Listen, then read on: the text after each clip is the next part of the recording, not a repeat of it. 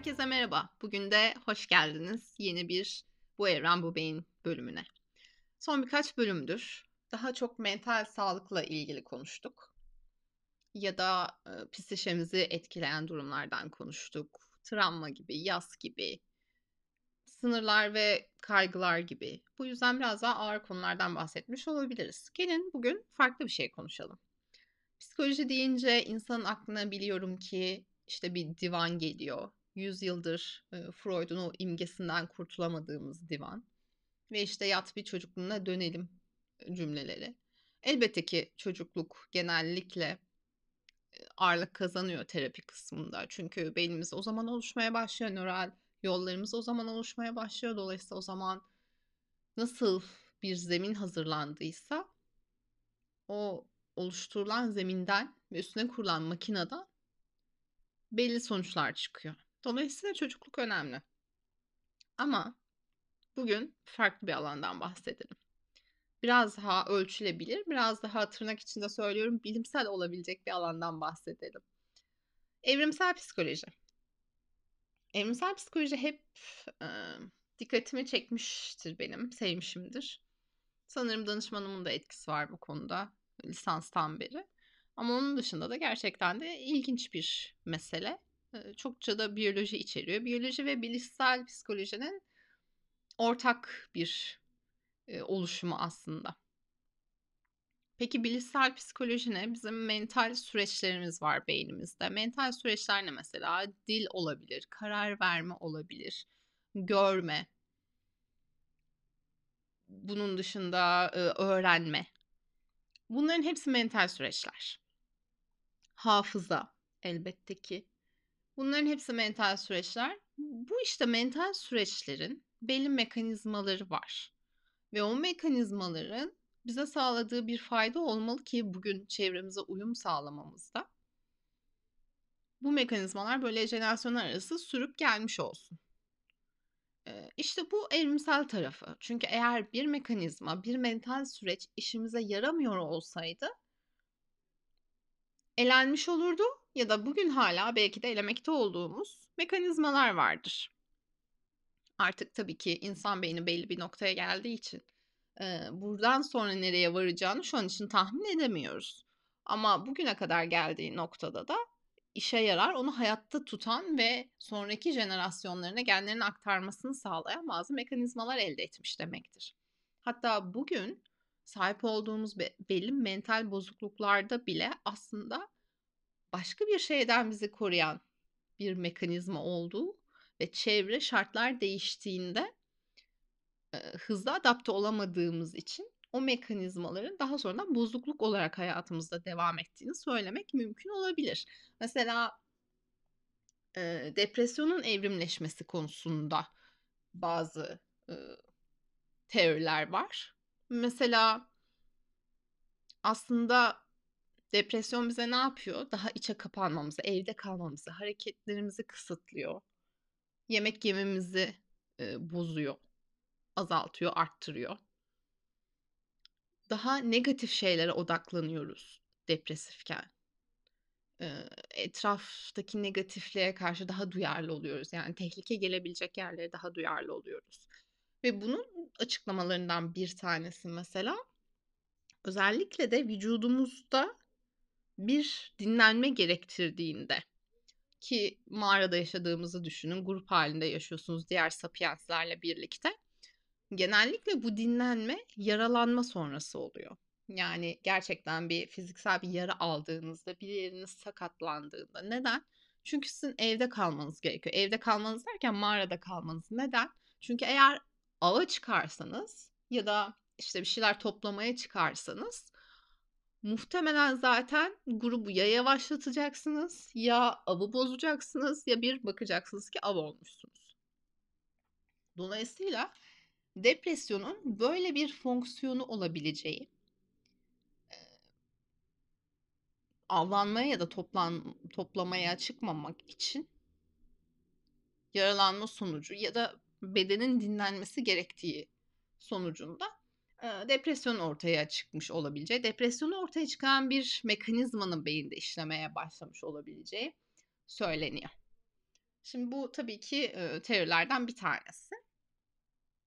Tabii ki gen çalışmaları yapılıyor. Her mental rahatsızlıkta yapıldığı gibi sadece işte şizofreni ya da nörogelişimsel bozukluklar, otizm, dikkat eksikliği ve hiperaktifte gibi konularda değil, anksiyete, depresyon, yeme bozuklukları gibi şeylerde de gen çalışmaları yapılıyor. Ama diyelim ki mağarada kaldınız, depresifsiniz, dışarı çıkmadınız, ne yaptınız? Yemeniz azaldı. Hareketiniz azaldı. Bu sırada vücudunuz bir taraftan da kendini topluyor tabii ki dinlenme şansı elde ettiği için. Çünkü her an savaş kaç pozisyonundayken dışarıda, tehlike altında, olası tehlikede bunu yapamıyor vücudunuz. Ve sonunda iyileşmiş oluyorsunuz. Ve bu yüzden belli bir zaman alıyor. Gerçekten de çoğu depresyon, bugün majör depresyon dediğimiz şey belli bir zaman sonra kendinden gerileme gösteren bir şey. Fakat bu demek değildir ki işte asla ilaç kullanmayın, işte şunu yapmayın, tedavi almayın, kendiliğinden geçer. Böyle bir şey yok. Çünkü bugün yaşadığımız toplum mağarada yaşadığımız toplum değil. Mağarada yaşarken çok daha gerçek kaygılarımız vardı. Yani gerçekten yırtıcı bir hayvan gelebilirdi mağaranıza ya da siz dışarıdayken karşılaşabilirdiniz. Gerçekten bir hastalık yüzünden çok kısa sürede ölebilirdiniz. Ya da belki de avlanamazdınız ve açlıktan gerçekten ölebilirdiniz. Yani hani survival konusunda gerçek endişeleriniz vardı. Bugünkü endişelerimize baktığımızda gerçekten hayatta kalmak ama hani nasıl bir hayatta kalmak? Aslında dünyadaki kaynak varoluşundan beri hiç olmadığı kadar fazla. Yani kullanabildiğimiz kaynak oranı daha doğrusu. Kaynaklar evet belki doğal kaynaklar daha az mağarada yaşadığımız zamandan ama onu kullanabilme yeteneğimiz çok daha fazla şu anda var olanı. Dolayısıyla ulaşabileceğimiz kaynak çok daha fazla. Ama icat ettiğimiz ekonomi, finans, kapital sistem sebebiyle aynı derecede aksesimiz yok. Yani aynı derecede ulaşabilir değiliz. İnsanlık olarak daha ulaşılabilir kaynaklar var ama birey olarak baktığınızda çok daha az ulaşabilir bireyler var. Şimdi böyle bakınca ya da işte iş stresi. Mesela şöyle düşün aslında ne kadar dandik işler yapıyoruz. Ne kadar dandik derken işte yapay zeka tasarlamaya çalışıyoruz borsaları yönetiyoruz, yeni bilgisayarlar icat ediyoruz, telefonları icat ediyoruz, ne bileyim yeni bir kahve markası çıkartıyoruz falan. Şimdi bir düşünün hiçbir tanesi olmasa biz hala yaşayabilir miyiz? Muhtemelen yaşarız. Yani hani dertsiz başa dert çıkarmak diye bir uygarlaşma sürecine girdiğimizi düşünüyorum bazen ve hiç olmadık şeyleri mesela dert ediyoruz medikal turizm sektöründe çalışırken mesela işte hastanın uçağa inmiş mi kalkmış mı ne zaman gelecekmiş. İşte 5 dakika daha bekleyecek misin beklemeyecek misin onu almak için falan. Hani böyle çok yapay artificial e, dertleriniz var bugün baktığınızda. Ama bu dertler kat kat daha fazla. Yani ben etrafımda herhangi bir ayı falan görmediğimde ya da işte o dönemde yaşamış yırtıcı tarzlarını görmediğimde e, tamam oturayım biraz falan derdim. Ama şimdi oturamıyorsunuz. Telefonunuzda dünyanın felaketleri bir tık uzağınızda. Hatta artık bir tık bile değil. Sabah bir kere tıklıyorsunuz, akşama kadar oradasınız zaten. Dolayısıyla kendimizi de daha fazla strese maruz bırakıyoruz. E, dolayısıyla da depresyon kendi kendine geçsin diye bildiğimiz şey çok daha az oluyor. Çünkü daha fazla tetikleyici var. Daha fazla bizi o modda bırakacak uyaran var etrafta. Bu yüzden sakın eğer yardıma ihtiyacınız olduğunu düşünüyorsanız lütfen yardım alınız. Şimdi konuyu çok dağıttım ben yine değil mi? Devam edelim. Evrimsel psikoloji diyorduk. Şimdi 19. yüzyıla kadar görme işinin beyinle alakalı olduğu bilinmiyormuş. Düşünebiliyor musunuz? Görmenin beyinle ilgisi bilinmiyor. Sadece göz yapıyor zannediliyor. Ve hani beynin buna ne katkısı var? Hiçbir fikirleri yok. Oysa bugün görme işini yapan gerçekten de beyin. Çünkü her ışık altında gördüğünüz renk aynı değil. Mesela öyle göz yanılmaları şeylerini zaten görmüşsünüzdür de. Diyelim ki bir rengi siz gölgedeyken de kırmızı diyorsunuz. Ama o renk aslında kırmızı değil. O renk çoktan kahverenginin bir tonu olmuş durumda gölgede olduğu için. Ama beyniniz bunu düzeltiyor mesela ve onun kırmızı olduğunu algılıyor. Bir tane şey vardı bilinç hakkında. Lisanstayken son sınıfta bir hani beyin fırtınası yapılacak bir konu. Diyelim ki Mary diye birisi var. Mary doğuyor. Ve doğduğundan itibaren siyah beyaz bir odada yaşıyor Mary. Mary hiçbir rengi görmüyor. Hayatında siyah beyaz yani onun için karanlık ve aydınlık dışında hiçbir şey yok. Hiçbir rengin tonu yok, hiçbir şey yok.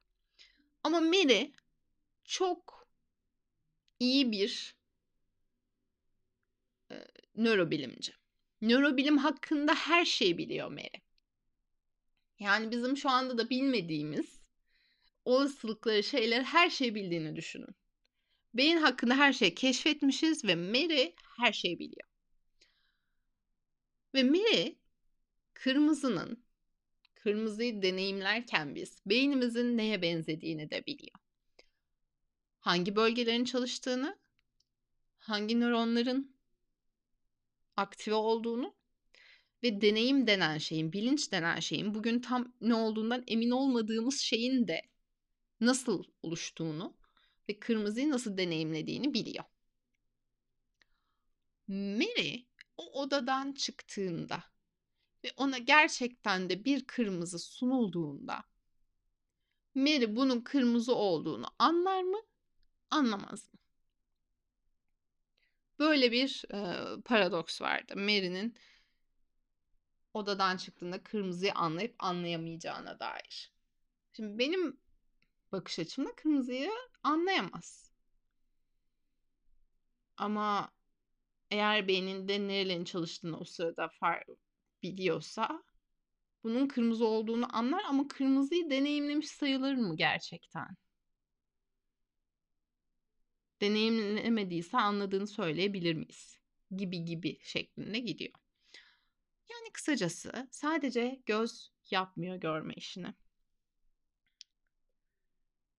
Çünkü aynı zamanda şey de vardır mesela anlamlandırma konusunda da biz bazı kesik olan çizgileri bütün resim olarak görebiliyoruz. Köşeleri deneyimliyoruz, çizgileri deneyimliyoruz, derinliğini deneyimliyoruz, etrafımızdaki şeylerin hareketini takip edebiliyoruz. Bunlar çok acayip şeyler aslında tek tek baktığınızda. Özellikle de hareketi takip etmek. Fakat bugün hani genel olarak 5 tane duyumuz var diyoruz. Fakat aslında 5 değil 7 tane duyumuz var. Bunlardan bir tanesi de hareket. Çünkü hareket sadece görmekle de olan bir şey değil. Uzamsal olarak nerede olduğunu ve daha bir sürü şeyi de göz önüne almak gerekiyor. Dolayısıyla ona belki farklı bir duyu olarak bakabiliriz. Fakat göz de bu sistemin bir parçası. Görme dışında hareketin de bir parçası. Bu yüzden yine beyinle çok ilişkili. Bu mekanizmalarımız tarih içinde yani çok eski tarih içinde 4 milyar yıl önce ilk dünya oluşmuş sonra 3 milyar yıl önce 3,5 milyar yıl önce ilk canlı diyebileceğimiz nokta mı desem, molekül mü desem varlıklar oluşmuş. Daha sonrasında işte bakteriler falan derken yavaş yavaş bugünlere gelmişiz. Fakat burada önemli olan şey aslında evrimin ne olduğunu biraz algılamak. Şimdi insanlar aa maymundan geldik falan deyip geçiyor. Fakat maymundan gelmedik. Birincisi ape dediğimiz kuyruksuz maymunlardan bahsediyoruz. Yani Türkçe kuyruksuz maymun olarak çevriliyor ama maymun ve ape başka bir şey. Yani monkey ve ape başka bir şey. Ve ape'lerin kuyruğu yok. Monkey ve ape'lerin de ortak bir atısı varmış elbette bir zamanlar ama bugün biz büyük ape'lerden işte içinde gorillerin bulunduğu, orangutanların bulunduğu ve insanın bulunduğu bir ailedeniz. Ve şimdi buraya böyle işte maymunlardan geldik. O zaman niye hala maymunlar var falan gibi saçma sapan çok ahmakça aslında. Hani olayı bilmeden çok ahmakça yapılan yorumlar var. E peki evrim ne? Şimdi evrimin bazı mekanizmaları var. Bir tanesi kalıtım. Neden? Çünkü biz kromozomlarımızı anne babamızdan alıyoruz. Öyle değil mi? Bizden bir önceki jenerasyondan alıyoruz yani. İkincisi mutasyon.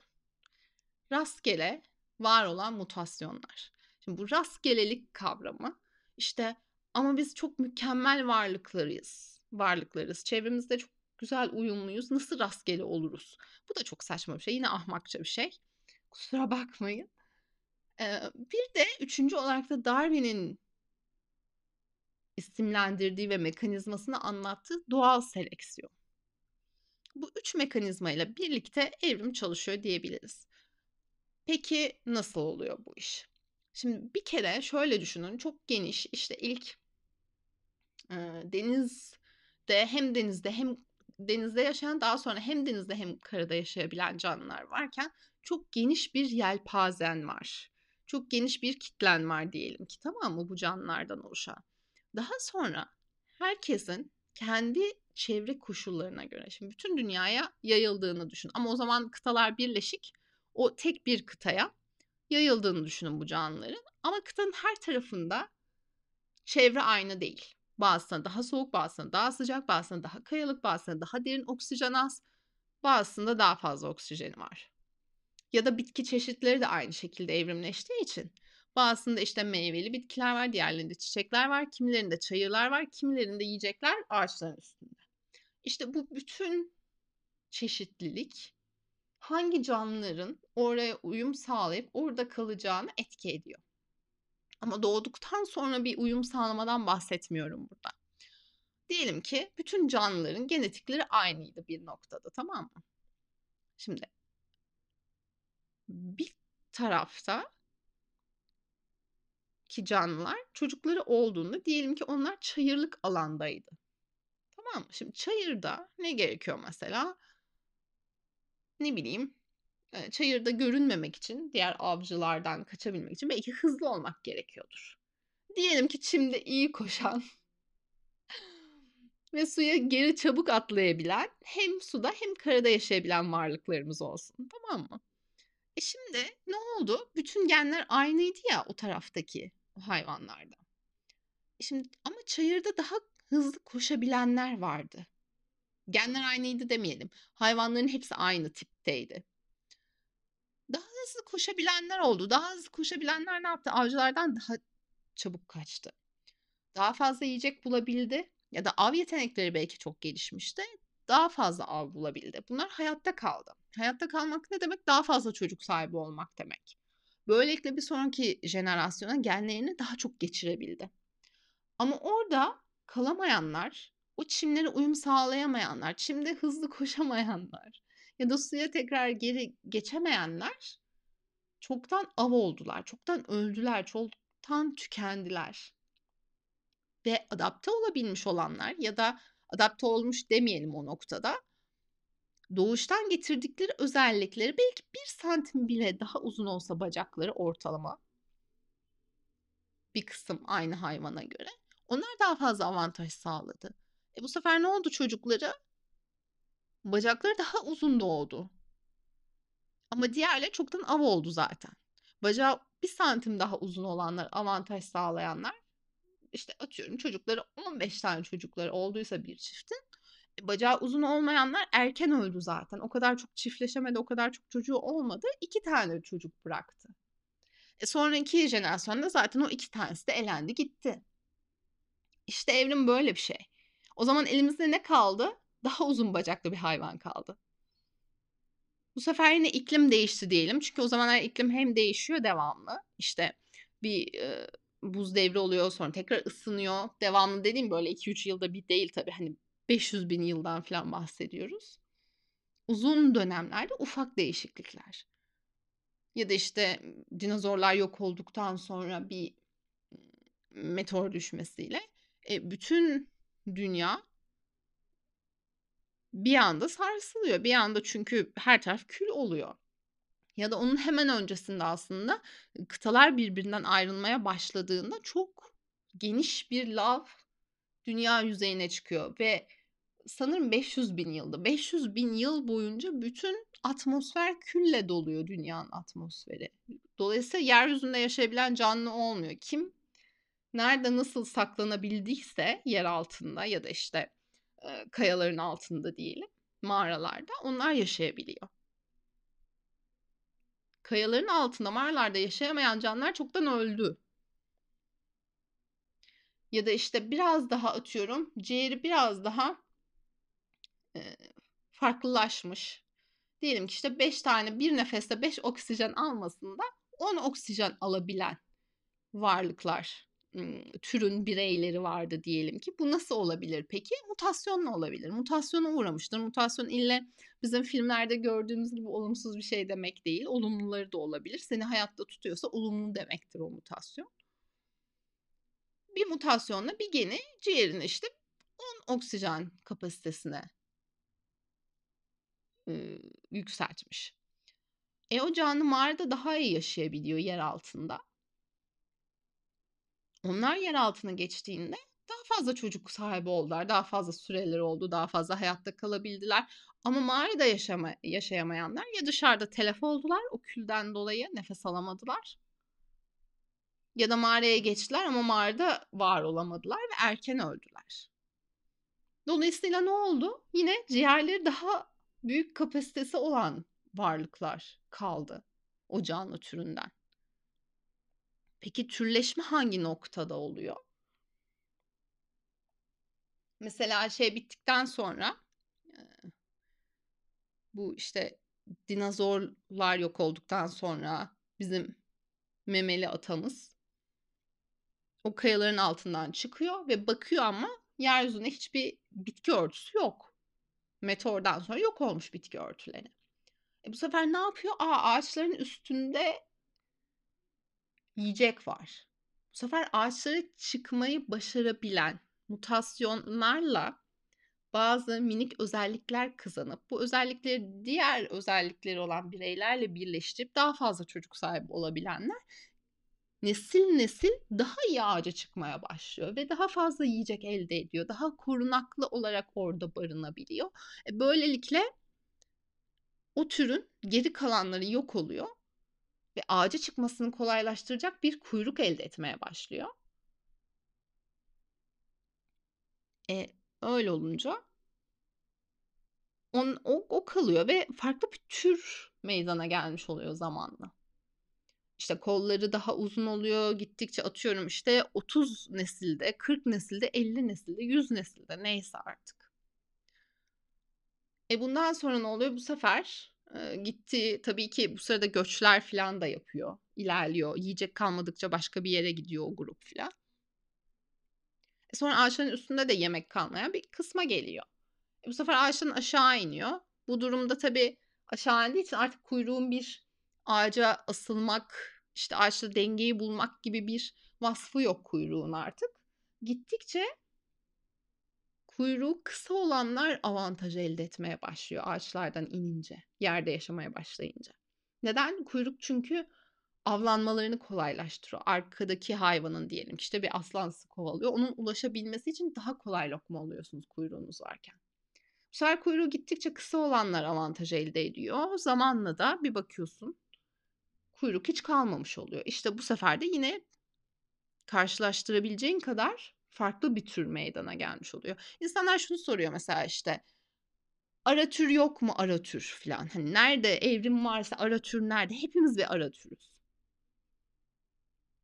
Hani zamanla farklılaşmamızı çok net göreceğimiz noktaya geldiğimizde başka bir tür oluyoruz. Ama hepimiz şu an ara türüz. Neden? Çünkü şunu düşünün. 20'liklerimiz denen bir şey var değil mi? 20 yaşımızda çıkması bekleniyor ama artık bazı insanlarda hiç çıkmıyor bile onlar. Hiç yoklar. Neden? Çünkü artık biz bir buçuk milyon yıl önceki gibi leş yemiyoruz. Bir buçuk yıl, milyon yıl önce insanlar leşçildi. Çünkü bu şeyde aşağı indiler ya işte ape'ler, ortak atamız. diğer orangutan ve gorillerle olan ortak atamız aşağı indi ve işte çalılardan filan meyveler, beriler, üzümler, dutlar filan toplayarak yemeye başladı. Ve iki ayağının üstüne kalkmaya başladı. İki ayağın üstüne kalkmak sapiens olmak için en önemli adımlardan biridir. Neden? İki ayağının üstünde olman elinin boş olması demektir. Avlanmak için, alet yapmak için. Özellikle de bu şekilde elimizin evrimleşmiş olması çok mucizevi bir şey. Çünkü bu el çok iyi kavrayan bir el. Alet tutabilen bir el. Muhtemelen işte zaten avlanabilenler alet yapabilenler olduğu için Şimdi diğer e, şempanzelerin elini düşünün. Onlarınki de çok benzer öyle değil mi? Alet yapabilen eller olduğu için biz ayakta kaldık. Ya da bizim atamız yani ayakta kaldı. Elleri bu şekilde olamayanlar, bu kadar iyi alet yapamayanlar zamanla yok oldular zaten. E biz iki ayağımızın üstüne kalktıktan sonraki en önemli şeylerden bir tanesi de iki ayağın üstünde çok uzun süre çocuk taşıyamayacağın için karnında artık bebekler çok daha kısa sürede doğmaya başladılar. Ve doğduklarında da beyinleri tam gelişimine ulaşabilecek bir şekilde doğmamaya başladılar. Bu yüzden de anne baba bakımı çok istemeye başladı bu. Ee, bu da aslında ilk böyle evliliklerin e, sebebi olarak görülür evrimsel psikolojide özellikle. İşte çünkü babanın yatırım yapacağı, genlerini taşıyan bir yavruya yatırım yapması gerektiği ve o yavrunun yanında yeterince uzun süre kalması gerektiği, onu hem koruması hem beslemesi açısından uzun süre kalması gerektiği söylenir. Tabii bu bugünkü toplumda çok sosyal şeylerle birleştirilip e, patriarkanın lehine miş gibi gösterilecek işte biyolojimiz böyle bizim falan denilebilecek şekilde çarptırılarak anlatılabiliyor. Buna başka bir bölümde değiniz. E, bu sefer öyle olunca tabii iki ayak üstünde çünkü doğum da yapmak zor yani. Bu yüzden bebekler daha ufak doğması gerekiyordu ve işte beyinleri de yeterince gelişemedi. Tam o dönemlerde biz e, leş yemeye başladık. Neden? Çünkü dünyanın yine o dönemde girdiği bir m, kuraklık diyelim. Yine bu sefer çalılar da bulamıyorduk ve başka hayvanların avladığı şeylerden kalanları yemeye başladık. Bu ne gerektiriyor peki? Çok güçlü bir çene gerektiriyor. Ve gerçekten de o zamanlar bu işte diğer Neandertallerden de önceki işte Avustralya'da e, keşfedilen e, ötsi filan onların çok daha büyük çeneleri var, büyük bir ağızları var ve oradaki kaslar çok daha güçlü. Fakat çene kaslarıyla ilgili bilmemiz gereken şey aslında kafa tasına kadar ulaşıyor olması. Çünkü ancak o kadar e, o zaman güçlü olabiliyor. E, o zaman gerçekten de işte çürümüş eski bir eti koparabilecek kadar bir güce sahip oluyoruz. Ve işte o zaman 20'liklerimiz aslında zaten hep var olan dişlerdi. Yani 20 yaşında çıkan değil, doğuştan çıkan dişlerdi ve büyük geniş dişler olduğu için de e, uzun süre öğütebilecek öğütme fonksiyonu olan dişlerdi bunlar. Bakın koparma değil avcı olsak ön dişlerimiz çok daha büyük olur. E, öldürmek ve koparmak için. İşin aslı bizler hiçbir zaman avcı olarak evrimleşmedik. Biz leşçildik. Leşçilken neyi bulduk? Alet yapmayı keşfettik. Biz alet yapmayı keşfetmesek bizler asla avcı olmayacaktık. Asla etçil olmayacaktık. Bunu söyleyebilirim. Dolayısıyla bugün tabii vegan olma yolunda bir vejetaryen olduğum için de bunu dile getiriyorum zaman zaman. Hani biz işte atalarımız avlanıyordu. Biz bak vücudumuza et yemek için yaratılmışız falan. Et yemek için yaratılmamışsın. Bu çok açık çene yapısından da çok açık bu. Hani et yersin yemezsin o ayrı. O senin bileceğin iş. Ama burada insan biyolojisini işin içine katmak biz zaten avcıydık, etçildik demek yanlış bir e, vurgu ve yanlış bir e, sav kendi şeyini savunabilmek için. E, dolayısıyla ona bağlamamak lazım. Yani biz alet yapmayı bulabildiğimiz için bir şeyler avlayabildik. Yoksa salt halimizde çıplak elle bir şey avlayabilecek pozisyonda bir hayvan değildik. Bunu anlamak gerekiyor. Daha sonra alet yapabilmeye başladıktan sonra gruplar halinde e, avlanmaya başladık. Ve bu şekilde yaşamaya başladık. Şimdi o zamanlarda mesela geçen gün bir şey duydum. Bir terapist söylüyordu. Kendince evrimsel bir mekanizma olabileceğini söylediği bir şeyden bahsediyor. Dikkat eksikliği olanlarla otizm spektrumunda bulunanların hep çift olduğunu, kendisine de çift olarak geldiklerinden bahsediyor. Bunun evrimsel bir altyapısı var mıdır diye düşünmüş kendi kendine. Çünkü işte dikkat eksikliğindeki olaylardan bir tanesi etraftaki uyaranlara çok açık olmanız. Yani her türlü uyaranı ufak eşiklerde çok yani düşük eşikte bile fark edebiliyorsunuz ve dikkatiniz o tarafa doğru gidiyor.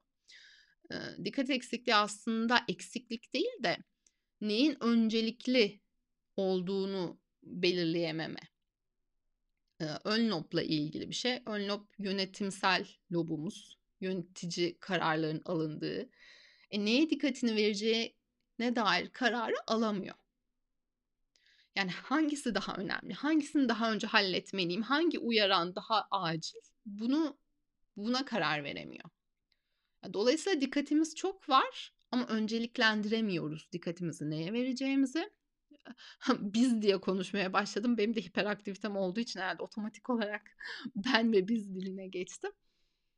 Bu yüzden böyle bir problem yaşıyoruz. Ama bunun yanında bunun güçlü taraflarından bir tanesi de hyper focus mod. Bu ne demek peki? Hiper odaklanma. Bir şeye de dikkatimizi çeken bir şeye de odaklandığımızda 8, 9, 10 saat, 20 saat ne ise yerimizden bile kalkmayabiliriz.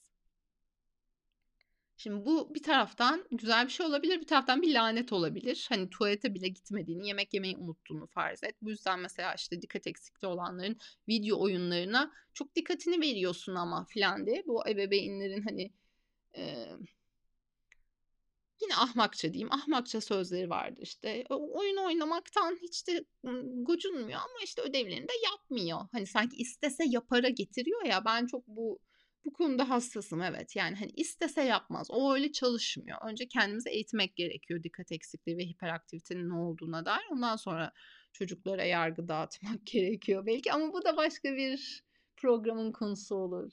Geri dönelim.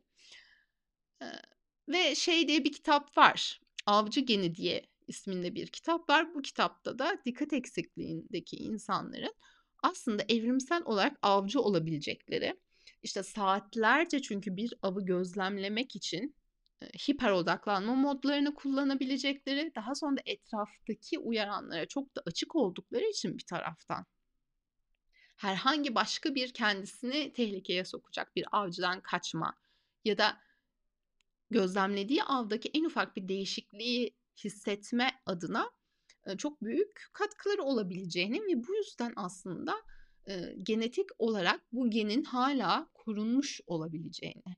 Dikkat eksikliği ve hiperaktiviteye yol açan etkenlerden bir tanesi genetik çünkü. E, bu genin hala bu yüzden korunmuş olabileceği günümüze kadar söylenir.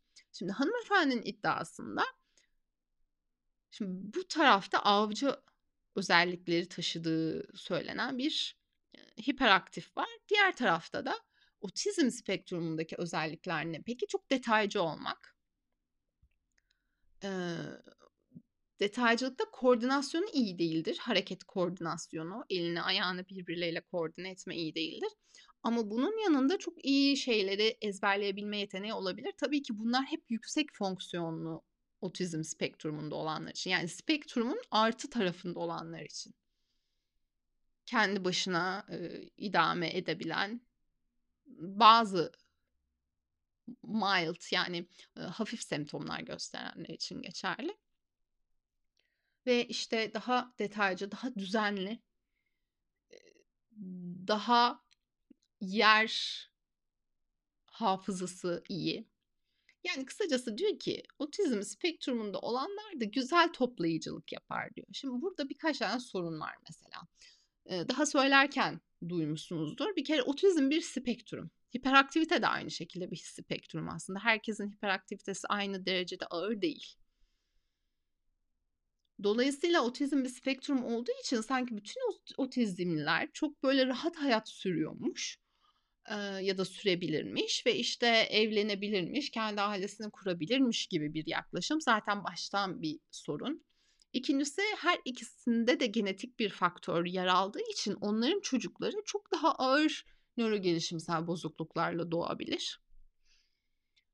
Üçüncüsü mağarada yaşadığımız dönemlerde işte hemen aletleri bulduk ve artık grup halinde avlanabildiğimiz için grup halinde yaşamaya başladık. E, orada çocuklar erken doğuyu artık dedim ya ayağa kalktık çünkü. E, ayaktayken büyük bebekler doğuramamaya başladı insan kadınları.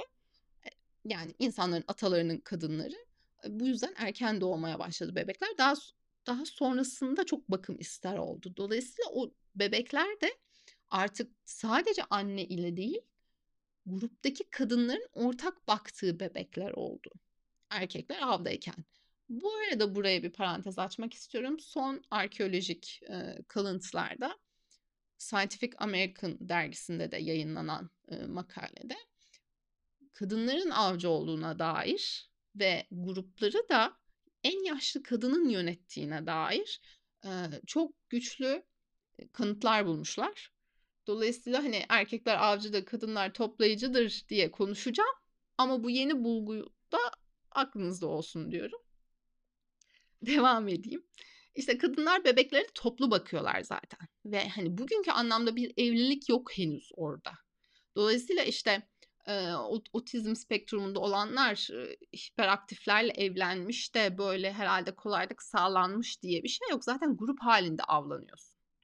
Yani tek başına avlanmıyorsun ki bir çift olup da işte sen topla kocacığım sen de git avlan bir tane öküz getir bana bizon getir diyemiyorsun ki tek başına avlayamazsın öyle bir hayvan. Dolayısıyla hani bunların hep göz ardı edildiği zayıf bir e, kendi kendine düşünüştü hanımefendininki. E, şimdi örnek vermek istedim ki hani neye dikkat ediyoruz evrimsel açıdan nelere bakabiliriz bunu söylemek istedim.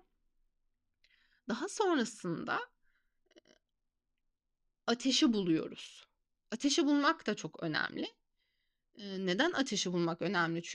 Çünkü, herkes işte ateşi kontrol edebildik, yemek yiyebildik, istediğimiz zaman ısıtabilmeye başladık falan. Hani bize bu bir özgürlük verdi, her gün avlanmama özgürlüğü verdi belki gibi bakılsa da esas olayı daha kolay çiğnenebilir olması. Yani leş ete göre ya da avladığımız, aletlerle avladığımız çiğ ete göre çok daha kolay çiğnenebilmesi etin. E, çok daha çiğnenebilir olunca bu sefer çenemizde yer alan kaslarımız, ta kafa tasımızın üstünü kaplayan o kaslar artık çok da ihtiyaç duymamaya başladık o kaslara. Çok kullanmamaya başladık. E çok işte farklı mutasyonlarla ortaya çıkan daha zayıf kaslarda insanlar bu sefer kafatası bir serbestlik kazandı ve beynin boyutu o zamandan sonra büyümeye başladı. Kaslar çeneye çekilmeye başladı. Yani bütün kulak üstünden e, kafatasının üstüne giden kaslar yavaş yavaş zamanla aşağı inmeye başladı gibi düşünebilirsiniz. Tabii yine zaman diyorum ama binlerce binlerce binlerce yıldır yıl içerisinde. Ve beyne yer açıldı. Beyin büyümeye başladı. Beynin fonksiyonları arttı. Yeni bölgeler oldu. Neokorteks dediğimiz insanları sapiens sapiensi diğer bütün ape'lerden kuyruksuz maymunlardan yani diğer bütün memelilerden, hayvanlardan, primatlardan ayıran en önemli şey neokorteks, yeni korteks, üst beyin diyebiliriz. Kısım oluşmaya başladı. Ve bu sırf ateşi bulup daha kolay çiğneyebilir canlılar olduğumuz için. Çok acayip değil mi? Çok heyecan verici geliyor bana böyle şeyler. Dolayısıyla et yememekle ya da eti pişmiş yemekle aslında hani baştan e, et yemeseydik böyle bir şey olur muydu? Belki olurdu daha çabuk olabilirdi.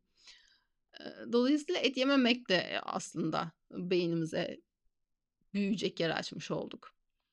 E, o zamandan sonra da zaten, eee, çok daha fazla yetkinlik kazandık. İşte, dil gelişimimiz arttı.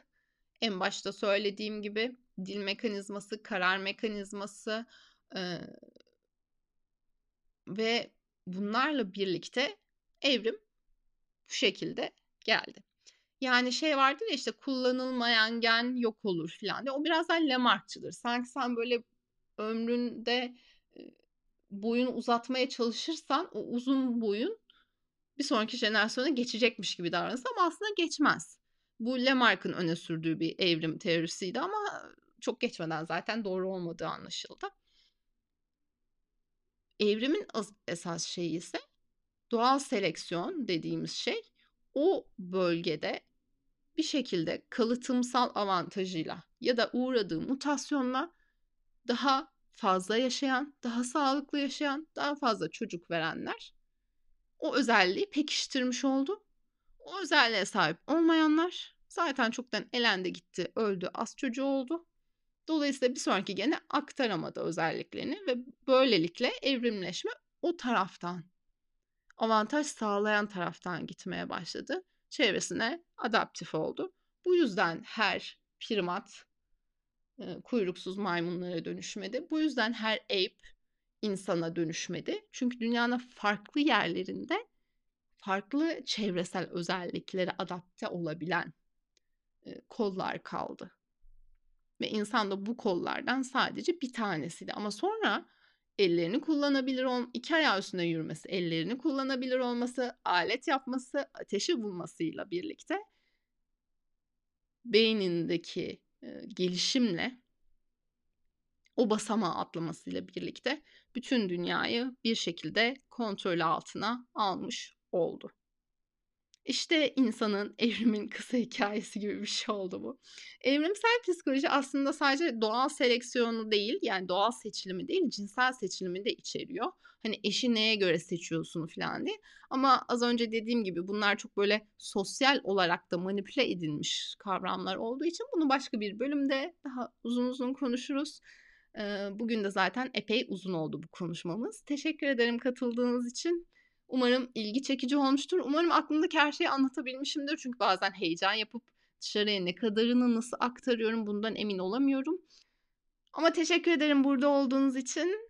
Tekrar görüşmek üzere. Ben Çağla. Burası Bu Evren Bu Beyin. Instagram'dan takip etmeyi de unutmayın. Hoşçakalın.